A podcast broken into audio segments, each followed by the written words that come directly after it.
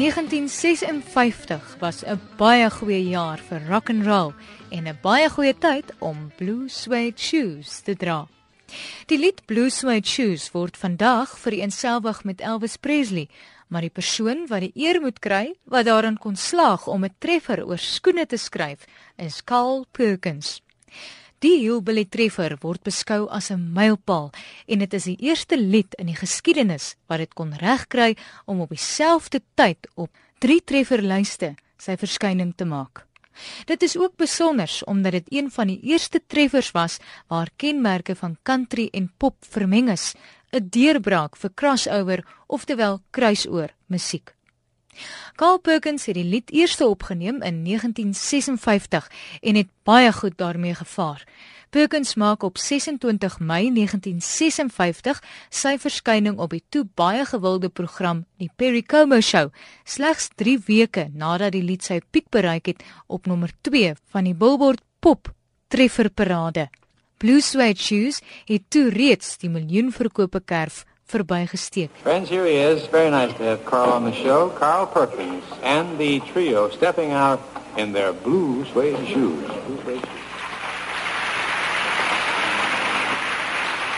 Well, it's one for the money, two for the show, three to get ready. Now go, cat, go, but don't step on my blue suede shoes.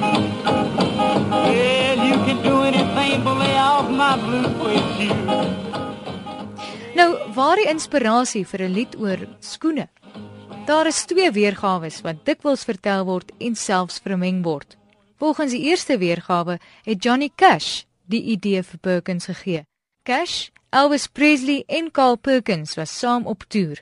Cash het glo vir Perkins vertel van 'n snaakse sersant, VC White, wat saam met Cash in die lugmag was. Die sersant het gereeld 'n draai kom maak in Cash se kamer en hom dan gevra hoe hy in sy uniform lyk. Hy sou dan omdraai, lag en net sê, "Just don't step on my blue suede shoes." Die storie van Cash het blykbaar Perkins so geïnspireer dat hy net daar en dan, terwyl Elvis nog op die verhoog is, blue suede shoes neergepen het. Die ander weergawe klink so: Perkins het by 'n hoërskooldans opgetree toe hy 'n paartjie sien dans het. Die jong man was so besorgd oor sy skoene dat hy haar kort-kort vieserig aangemaan het om nie op sy blou suede skoene te trap nie. Die idee dat die jong man meer besorgd was oor sy skoene terwyl hy met 'n mooi meisie dans, het by Perkins gebly. En 3 uur die volgende oggend skrik hy wakker met die lirieke vir Blue Suede Shoes en skryf dit neer op 'n nederige aartappelsak. Elvis Presley se debuutalbum word in Maart 1956 uitgereik met onder andere sy weergawe van Blue Suede Shoes. Die album het 10 weke op nommer 1 op die Billboard Top Pops albums geboer. Dit is die eerste rock and roll album wat dit kon regkry en die eerste album uit die genre wat die miljoen verkope kerf kon verbysteek. Well, it's one for the money, two for the show, three to get ready. Now go, cat, go, but don't you step on my blue suede shoe. Well, you can do anything but stay over my blue suede shoe. Nodeloos om te sê, die fabelagtige sukses wat Elvis geniet het, as ook Blue Suede Shoes, het die waarde van Elvis se skoene aansienlik verhoog.